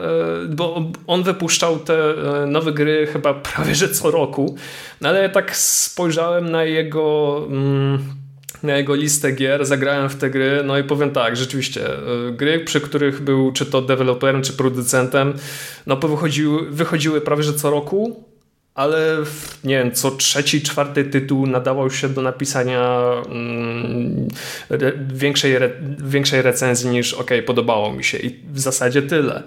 A, chyba się trochę powtórzę, ale jednak to powiem. Ta era tych y, klasycznych point and clicków pod tytułem wskazujesz postaci, gdzie ma iść, e, że ma wyjąć coś z, z ekwipunku i użyć na czymś, właściwie już minęła, właściwie już nie istnieje. Ja mogę jedynie wspominać o takich tytułach, które wyszły rzeczywiście lata temu i podobały mi się naprawdę bardzo, tak, pod Chociaż kątem jakościowym. Jeśli mogę, bo tak jak to opisałeś, że chodzi sobie postać, e, klika na przedmioty i na, na coś używa, to równie dobrze można by powiedzieć, że Animal Crossing jest tak, tak.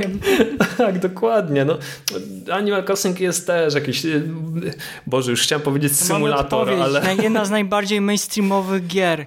No, Dokładnie. już mamy Dokładnie, ale tak jak mówię, jak patrzę wstecz, e, no to wspomniałem już o, Irene Cortain, mogę powiedzieć jeszcze A New Beginning, Odrodzenie, które też wyszło ładnych kilka lat temu. Zresztą e, przy okazji polecam, świetna przygodówka i mówi o problemach środowiska w bardzo nienachalny sposób, co jest e, w dzisiejszych czasach bardzo, e, myślę, cenne. Mm, tu było wspomniane również Night in the Woods, kłóciłbym się, czy to jest e, point and click, powiedziałbym raczej, że nie. Raczej to jest e, też mm, przygodówka z elementami minigier. Do, naprawdę. To jest, dla mnie to jest trochę 2D Walking Sim. 2D ale, o, dokładnie. Ale uwielbiam, żeby nie było, to jest cudowna gra. Cudowna gra i ale, ale wiem, dlaczego ciężko ją zaklasyfikować. Dokładnie. Wydaje mi się, że z takich świeżych rzeczy, które jeszcze zrobiły jakiś tam szum jest Timbleweed Park, no ale to mhm. ze względu na twórcę przede znaczy, Ze względu na twórców, no wiadomo, Ron Gilbert tam i cała ekipa tak naprawdę mm, poprzedniego Lukasa.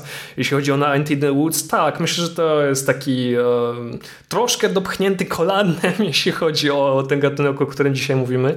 No, ale fakt faktem, gra, gra świetna, muzyka fantastyczna od Scotta Bensona i świętej pamięci Aleka Holowki, bardzo polecam. Patrzyłem kiedyś na Beatcop od Crunchy Koalas e, i Pixel Crowa, ale to też trochę w tym elementów bardziej point and clickowych, trochę też managementu. Także no, te, też nie powiedziałbym, żeby to był mm, typowo stricto point, mm, point and clickowy. Jeszcze w głowie mi się pojawił inny tytuł, The Dream Machine, który również był fantastyczny, ale sobie przypomniałem, że ten tytuł wyszedł 10 lat temu, nawet ponad. tak, więc, tak, tak. Więc, to, to okay, nie jest, więc to nie jest świeżynka, to nie jest świeżynka, świeżynka. Także widzicie, jak próbuję wymienić jakiekolwiek gry, które w pewien sposób przypominałyby mi point and clicki, jest to bardzo, ale to bardzo trudne. Ja przychylę się do tego, co e, mówiliście dziewczyny wcześniej, że są takie gry, które przyjmują do siebie pewne elementy gier point and clickowych, czy mm, Mariusz, powiedziałeś e, słowo ewolucja, mm, za duże słowo. Powiedziałbym, że rzeczywiście przyjęły jakieś tam elementy, może są pochodnymi, o, może to jest najlepsze słowo, pochodnymi od tych e, gier point and clickowych i mm, w pewien sposób je tam wykorzystują. Moim zdaniem, jeśli miałbym to tak podsumować w miarę szybko, moim zdaniem e, takie elementy stricto point and clickowe znalazłbym w grach typu visual novel. Tylko ja nie mówię o tych grach e, randkowych jak, nie wiem, pff, Boże, staram się znaleźć przykład. Ja wiem, że na Steamie jest ich od cholery, ale wiecie, chodzi mi o takie gry pod tytułem, Boże, czytam cały czas jeden ten sam tekst i wybieram e, jeden z trzech wariantów, które mogę wybrać, żeby pójść na randkę z wybranym e, kamieniem, bo i takie tytuły również się pojawiają na Steamie. Nie, nie. Patrzę tutaj na takie tytuły właśnie jak Ace Attorney na przykład, e, który jest przygodówką, ale też ma jakieś elementy point and clickowe.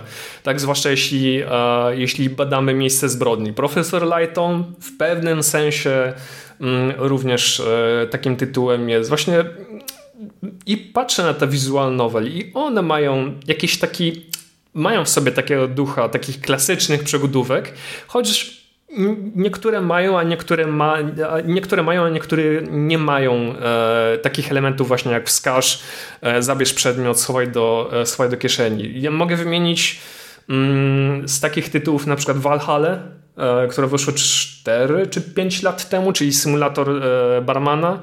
Mm, Hotel Dusk, no dobra, Hotel Dusk to jest akurat taki zdecydowanie starszy tytuł, no ale jeszcze starszym jest na przykład Polisnauts z 94 i myślę, że te dzisiejsze visual novel, które wychodzą, nie mówię, że wszystkie, bo mm, nie, nie powiem, że wszystkie mi się podobają, nie, nie powiem, że we wszystkie grałem. Detective Story. Na przykład. Na remaster dokładnie, będzie dokładnie, na, na przykład. Dokładnie, dokładnie. To, o, o, o, tym remasterze chciałem też powiedzieć w pewnym sensie się wpisują w, w, w, w, ten gatunek, ale naprawdę w bardzo raczej niewielkim stopniu. Jeśli tak podsumować, no to powiedziałbym tak, przygodówki point and clickowe gdzieś tam powstają rzeczywiście, ale są one niższą niż. Albo powstają na game jamach, albo powstają um, nie wiem, nie w dużych studiach, tylko nie wiem, w jakichś garażowych, e, w jakichś garażowych studyjkach i są wypuszczane, po prostu wypychane na Steam, nie ma wokół nich żadnej promocji i nie wiem, jeśli masz szczęście albo nie masz szczęścia, no to po prostu na nie natrafisz. Ale takie duże, point klikowe tytuły już myślę się nie zdarzą. Nie mówię, że to jest całkowity zmierzch tego gatunku, ale też nie, nie powiem, żeby miało dojść do jakiegoś wielkiego boomu i e, te tytuły miałyby kiedyś e, stany znowu na, na, na piedestale. Okej. Okay. E, Kali Destynka, chcielibyście coś ewentualnie tutaj dopowiedzieć odnośnie tego, co Paweł powiedział? Niech spoczywają w pokoju. Niech spoczywają w pokoju. Jeszcze jedną rzecz mogę tak dodać, że e, tutaj zostało wymienione Telltale Studio. Tak, to jest taki, e, takie studio, które stworzyło, którego podwaliny to były gry takie semi-point and clickowe, chyba tak mogę powiedzieć. No ale no cóż, upadli e, trochę z własnej winy i na własne życzenie. Tak, znaczy, bo tam faktycznie było tak, że oni zaczynali od epizodycznych point and clicków w pokroju Monkey Island i e, powrotu do przyszłości bodajże. I, e, i dopiero przy, mhm. i przy, przy, przy, właśnie Walking Deadzie jakby trochę zmienili formułę, to znaczy odeszli mocniej od tego interfejsowego powiedzmy przygodówkowego stylu właśnie na rzecz bardziej filmowego doświadczenia, no i to im bardzo żarło przez długi czas, ale no jakby za bardzo się rozdrobnili no, troszeczkę. Za bardzo się rozdrobnili, za dużo tych samych tytułów tak naprawdę powychodziło. No i w końcu ludzie mieli dosyć. Ja się trochę nie dziwię, bo to w żaden sposób nie ewoluowało, w żaden sposób się nie rozwijało, tylko tworzyli cały czas w kółko tak naprawdę te same gry, tylko ubrane w inne szaty. Tak, tak, i też miejscami. IP się pojawiały. No właśnie, bo to jest jakby z perspektywy, tu już odzywa się mój head of production, że to jest problem skalowania, prawda? To znaczy mhm. coś, co im zadziałało w teamie, który się nauczył pewnie na poprzednich grach e, raz czy dwa razy, tak? I udało im się faktycznie pociągnąć dwie fajne serie, no bo The Wolf Among Us też był bardzo, tak. E, bardzo ciekawym jakby IP tutaj. E, no to nagle nie da się zatrudnić masy nowych ludzi, wystartować iluś tam projektów i liczyć, że jakość się zachowa, więc to im się tam zaczęło sypać faktycznie bardzo. No i też jak się czyta o tym, jakie były problemy takie stricte kulturotwórcze, e, przy tym ile osób nagle właśnie pojawiło się w studiu, e, w tym jak sobie radził powiedzmy zarząd ze stresem, ze wszystkim, no to no niestety musiało to paść, natomiast powiedziałabym, że nie jest to wina jakby tego nowego gatunku, który sobie wytworzyli, tylko bardziej tego, jak oni z nim zaczęli jak pracować. do tego tego podeszli. No. no. Słuchajcie, no ja, mi najbardziej żal jest tej, tej muzyki, bo to jest tak naprawdę zmierzch tej, tej, tej muzyki i nawet ostatnia Sybera, Syberia z muzyką Ino Nazura, sądzę, że tutaj nie wpisałaś jakoś za bardzo w kanon, że to jest tam bardzo dobra muzyka, bo na tyle, że mo, mo, większość graczy mogłoby o niej mówić. Um, dla, dla mnie to jest taki trochę e, smutny e, z tego względu e, epi, epizod, no bo wielu, wielu też dobrych kompozytorów sądzę, że nie potrafi się później odnaleźć w innych gatunkach, ale przyszła mi na myśl, na szczęście jest jedno studio, o którym zaraz powiem, na szczęście jest jedno studio, które jakoś sobie radzi. Natomiast czy pamiętacie taki tytuł z 2018 roku, on w 2019, który zdobył tych nagród, Return of the Obra Dinn? Oj, tak. Jak najbardziej. No, ja sądzę, że to jest też taki dobry przykład gry point-clickowej po części, bo też e, sama historia i to w jaki sposób ta gra została zaprojektowana, to pokazuje, że są jeszcze na szczęście ludzi, ludzie z pasem, to jedna osoba robiła bardzo długo. Mm, są osoby, które faktycznie chcą trochę od, od strony artystycznej pokazać grę i e, gra, która wymaga od gracza, no żeby trochę więcej niż dwie szare komórki użył. Tak więc ten tytuł sądzę, że tutaj naszym słuchaczom na pewno zachęcamy, żeby, żeby to sprawdziły. A jakim studium miałem na myśli? A miałem na myśli Amanita Design i tutaj czeskie studio Amanita Design, praktycznie do wszystkich gier, do których tam to ma oprócz chyba bodajże e, Batanicula, bo to D, D, D, DFA, to była taka para um, muzyków, to skomponowała muzykę, ale Machinarium, Samoros 1, 2, 3. A, dokładnie, tak. Um, czy ostatnio nawet, e, znaczy The Creeks, to jest Hidden Orchestra, to jest taki szkocki zespół e, jazzowy New Jazz, to oni napisali muzykę, tam Tomasz Dworzak już nie skomponował, ale do ostatnio wydanej gry, dosłownie chyba w tamtym tygodniu, Papatura, polskiego e, gra, która została chyba ręcznie zaprojektowana pod kątem papieru, że wszystkie lokacje, mhm, postacie mhm, tak, podkładkowe tak, tak. i muzykę też tam Tomasz Dworzak sko e, skomponował. Tak więc y, niby jest ten zmierz, ale gdzieś czasami powiedzmy na powierzchnię wypłynie jakiś bardzo ambitny projekt, który tylko i wyłącznie e, jest się w stanie przebić do faktycznie do tych osób, które, do których została ta gra zaprojektowana, czyli między innymi do nas, tak? Że my jeszcze ze względu na ten sentyment, albo lubimy się odciąć od tych takich powiedzmy bardzo kolorowych e, gier.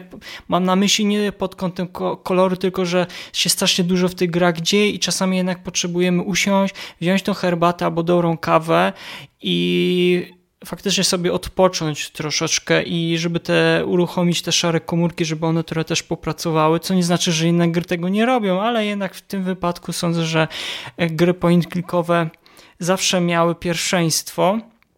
Dlatego tak by podsumowując, e, bo zaraz przejdziemy do, do podsumowania, do ostatniego pytania, jakie mam e, do naszych gości i też do Pawła.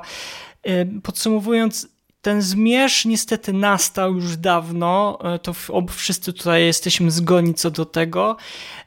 Miejmy tylko nadzieję, że jakby ten duch tych gier e, poniklicowych od czasu do czasu się będzie przejawiał w takich grach, o których tutaj kilkakrotnie już wspominaliśmy. No i czasami będą się pojawiały takie naprawdę małe perełki e, wyłaniające się z, z, na, z, na, z dna morza i jakby myśl o tych grach poinglikowych nigdy nie umrze, a i też będzie to też szansa, żeby od czasu do czasu też się dosyć warta swojej uwagi ścieżka dźwiękowa pojawiła i tego e, Wam, e, sobie i naszym słuchaczom i słuchaczkom życzę. Słuchajcie, ostatnie mam do Was pytanie, no bo jak to jest podcast o muzyce, to muszę zadać ostatnie pytanie o muzyce. E, top 3 ulubiona muzyka do gier podlikowych i tutaj zacznę od Kali. Dobra, to ja pojadę takimi trochę hipsterskimi tytułami, bo nie chcę, wam, nie chcę wam zabierać dobrych opcji klasycznych. E, ja myślę, że na pewno bym wskazała Sword and Sorcery. To jest dla mnie jednak mocno pojedynklikowy tytuł. Tak. A no, Jim Guthrie tutaj robi rewelacyjną tak. robotę. E, I, I uwielbiam tego słuchać już nawet, znaczy w grę grałam lata temu i pewnie szybko do niej nie wrócę, ale do soundtracku wracam często. E, dość mało znany, bo wydaje mi się, że wyszedł tylko na iOS-a tytuł e, Device 6. To jest Daniel Olsen. On, oni, to jest generalnie takie malutkie studio, które robiło jeszcze na przykład Yearwalk e, z takich tytułów, ale jest, jest dość interesujący i gameplayowo i myślę, że muzycznie, także tutaj jak najbardziej to polecam. E, I na trzeci tytuł myślę, że jednak bym tutaj poszła w stronę, e, w stronę faktycznie Oxenfree, które już padło, e, a które, które jednak jest takie bardzo nie. Nie, nieoczywiste. Nieoczywiste i nieatakujące mhm. w tym swoim soundtracku. On jest taki dość, dość tutaj w tym kontekście przyjemny. Tyle, Super. top 3. Nie, no super. No za Sword Sorcery to wirtualna piątka leci. A Destynka, jak u ciebie to jest z tą e, top trójką? Kurczę, to ja polecę pewnie klasykiem. Eee, tak, muzyka z Neverhooda. Mm. E, tak, jest, Terry Scott jest... Tyler. Mm. Chociaż e, kurczę, nie ukrywam, że lata temu to ta gra mnie ogólnie rzecz biorąc przerażała. Druga rzecz to jest Machinarium. E, bo to, o Jezu, niesamowita gra, niesamowita muzyka, świetna rzecz. E, a trzecia rzecz to już już wspomniany tutaj e, Samorost, trójka, bo strasznie mi się podoba ten motyw przewodni. Mam nadzieję, że dobrze nazwałem ten instrument, klarnet, który tam się cały czas pojawia i... Fagot. I... Fagot, ale klarnet też, tak, tak, tak, bo faktycznie gra Tomasz. Mhm. E, I to jest muzycznie, to jest świetna gra, tym bardziej, że ona właśnie dla takich ludzi, którzy e, chcą tak jakby bardzo mieć fajną imersję w grze. Ta gra jest cudowna, bo ona tylko dźwiękami przemawia do nas. Tak. To, to jest super i bardzo na, na długo mi zapadła ta gra w pamięci właśnie przez to, jak nam serwuje E, fabułę i odczucia, więc tu bardzo duży ode mnie plusik za oczywiście samą muzykę, ale za jeszcze większy plus za cały sound design, jaki się zadział przy tej grze. Okej, okay, no to wszystkie, wszystkie piątki świata lecą w twoją stronę, bo Samoros trójka to Powiem tak, to jest jeden z, to jest, bo myśmy mieli z Pawłem tydzień temu taką rozmowę, czy muzyka do gier jest w stanie e, sprzedać samą grę i Dworzak zawsze mnie kupował, jak ja wiem, że Dworzak robi muzykę, to ja muszę w tą grę zagrać. Wiem, że to jest Anita Design, oni za, naprawdę nie obniżają po, po poziom, rzadko się zdarza, że obniżają ten poziom, ale jak ja samorosta zagrałem, gdzie nie ma tekstów, tam jest tylko właśnie sound design, jak sama powiedziałaś tutaj, to jest fenomenalny, bo tam jest organiczny ten sound design. Tak, jest tak. zresztą taki dokument. Bardzo ładny. O tym, jak on powstał. No. Mhm. Tak, jest cudowny, cudowny. Oj, Nie, e, no. To to przepraszam, że ci wejdę słowa, ale drodzy słuchacze, YouTube, samorost e, i właśnie ten dokument, o którym wspomniałeś, jak oni to nagrywali, w jakich warunkach e, i Tak. z czego niektóre dźwięki e, po, powstawały i ja tylko tak zrobię spoiler, że pojawiały się tam warzywa, Mhm, e, mhm. więc polecam, polecam bardzo. Tak, podpisujemy się, będzie pod materiał. Jeżeli będziecie nas słuchać na YouTubie, to link będzie na, pod opisem dziś tego podcastu. Pawle? Jakby to była lista top 30, miałbym łatwiej. Ale oczywiście nie może być łatwiej.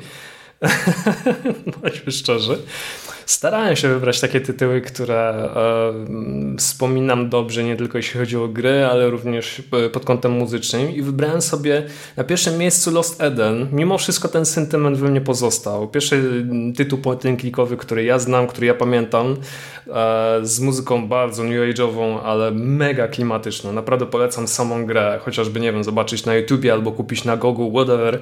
E, musicie zobaczyć i posłuchać. E, z muzyką Stefanika Pik, e, który, co ciekawe, zrobił również e, muzykę do Atlantis The Lost Tales na przykład, e, czy mm, Dune Spice Opera, czyli mm, to była chyba ta jed, jed, do jednej z dwóch e, gier z serii Dune, mm, ale z tego co ja się dowiedziałem w ubiegłym roku w ogóle e, mm, zrezygnował już, wycofał się z tworzenia muzyki e, do gier. Chyba 2006, nie, w 2000 e, w ogóle przeniósł się do Madagaskaru i tam niby coś tworzył, ale przyznam szczerze, nie wiem już co. Tak czy inaczej jestem mu bardzo, ale to bardzo wdzięczny za e, muzykę do Last Eden. Druga, czy, drugie miejsce, no Syberia. Było, nie było Syberia e, z Dimitrym Boldanskim, Nikolasem e. No ten motyw główny, ten motyw, kiedy mm, e, Kate Walker pojawia się, e, Valadin, e, nadal zostanie w mojej głowie. Nie chcę stamtąd wyjść i nie chcę, żeby stamtąd wyszło. E, zresztą muzyka ze wszystkich lokacji e, mocno klimatyczna, fantastyczna e, i po, po, prostu mocno zapa zapadająca w, w, pamięć. Na trzecim miejscu chciałem zamieścić coś z mm, polskiego studia i tak się zastanawiałem, bo mam na przykład e, Scouta Quatermastera od e, Tomka Lejbicha. Bardzo swojski tytuł, podobnie jak Sołtys. Jeśli posłuchacie kiedykolwiek muzykę ze, Scout, ze Scouta Quatermastera, no to poznacie, że to jest tytuł polski. Mm, Ale koniec końców wybrałem Jacka Orlando, do którego muzykę stworzył Harold Flettermeyer.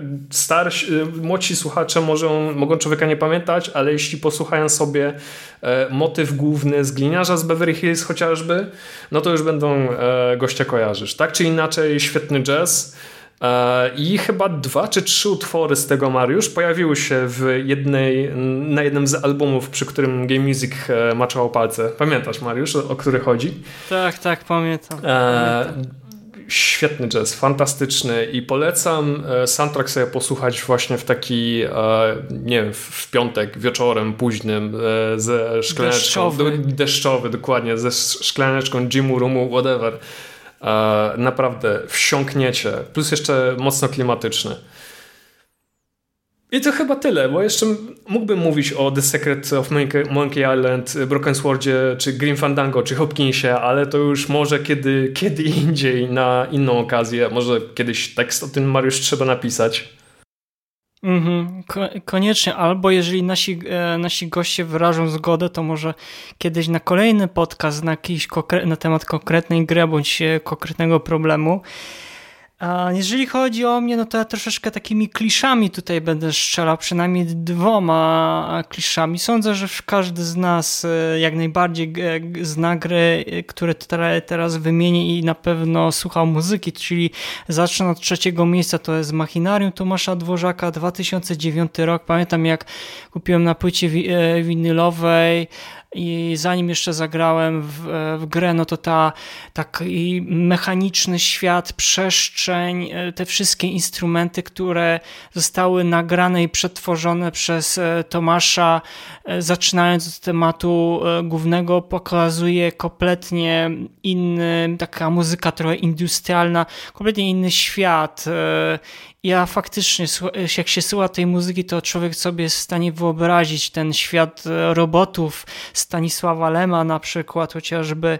I nie no, muzyka jest tutaj top class i tu naprawdę bardzo zachęcam, jeżeli nie mieliście jeszcze kiedykolwiek okazji posłuchać tej muzyki, to zachęcam jak najbardziej. No i Green Fandango, 1998 rok, Peter McConnell, nowoorealski jazz, e, takie stare kluby jazzowe, gdzie naprawdę można było posłuchać dobrych bebnów, e, fortepianu i też e, trąbek, tak więc tutaj to jest klasyka w samą sobie, to jest nie do pobicia, jedynie, jedynie muzyka z Cupheada, jeżeli chodzi o muzykę, to jest w stanie tutaj na równo stać z, z Grim Fandango. No i dla mnie taki trochę duży sentyment na pierwszym miejscu, czyli mu, e, gra i muzyka The Dick Michaela Landa, 1996 rok. Wow, to jest taka trochę space opera opowiadająca losy mm, astronautów, którzy poprzez niezidentyfikowany obiekt przenoszą się e, na obcą planetę, gdzie sami muszą sobie poradzić, jak stamtąd się wydostać i muzyka towarzysząca im to jest muzyka e, która kompletnie w żadnym wypadku nie nawiązuje do muzyki filmowej. To jest muzyka growa, ale momentami ma się wrażenie, jakby się słuchało naprawdę muzyki klasycznej. Nie jest to muzyka nagrana przy udziale jakichś tam sesyjnych muzyków, tylko e, to, co Michael Land z, zrobił z, z dźwiękami komputera, no to po prostu pokłony i brawa. I tyle z mojej strony. Słuchajcie, no, drogie panie, mm, Magda Czarnecka, Magda Cielecka dzisiaj z nami e, była, no i oczywiście zawsze Paweł, Paweł Dębowski. E, drogie panie, ja mam nadzieję, że kiedyś jeszcze przyjmiecie nasze zaproszenie, bo to jest móc e, usłyszeć tyle, tyle wiedzy od was, to jest naprawdę, mam nadzieję, że kiedyś, kiedyś, kiedyś ktoś spisze na ten temat książkę. tak sobie żartobliwie myślę, ale dzięki, dzięki naprawdę swoim imieniu naszych słuchaczy i, i widzów, że znaleźliście czas i, i chciałyście się podzielić e, wiedzą na temat e, gier point-clickowych, też o muzyce do tych gier. Tak więc z tego z całego serca i nisko się kłaniam i bardzo Wam serdecznie dziękuję. Dziękuję e, Kali, że byłaś dzisiaj z nami. Dziękuję również, dziękuję za zaproszenie oraz wysłuchanie. E, dzięki Destynka, naprawdę bardzo było miło Ciebie usłyszeć po, po długim okresie e, czasu, tak więc dzięki raz jeszcze. Ja również dziękuję, było super i wpraszam się na raz następny. koniecznie, koniecznie. Paweł, no co ja mogę powiedzieć? Dzięki Paweł, że byłeś e, z, znowu z nami. Ja będę też za tydzień, więc o co Ci chodzi? Może jeszcze o czymś nie wiem. Tak, zastępstwo. Nie, dzięki, dzięki. dzięki Słuchajcie, słuchali, słuchaliście razem z nami 13 odcinka podcastu Słuchaj Gier, gdzie sławimy kulturę muzyki do gier oraz sound designu. Z tej strony jak zawsze skromnie um, żegna się i kłania się w pas Marysz Borkowski oraz Paweł Dębowski. Trzymajcie się do usłyszenia i do zobaczenia. Cześć. Słuchaj. Słuchaj. Słuchaj. Słuchaj. Słuchaj. Słuchaj. Słuchaj. Gier. Podcast sławiący kulturę muzyki do gier wideo.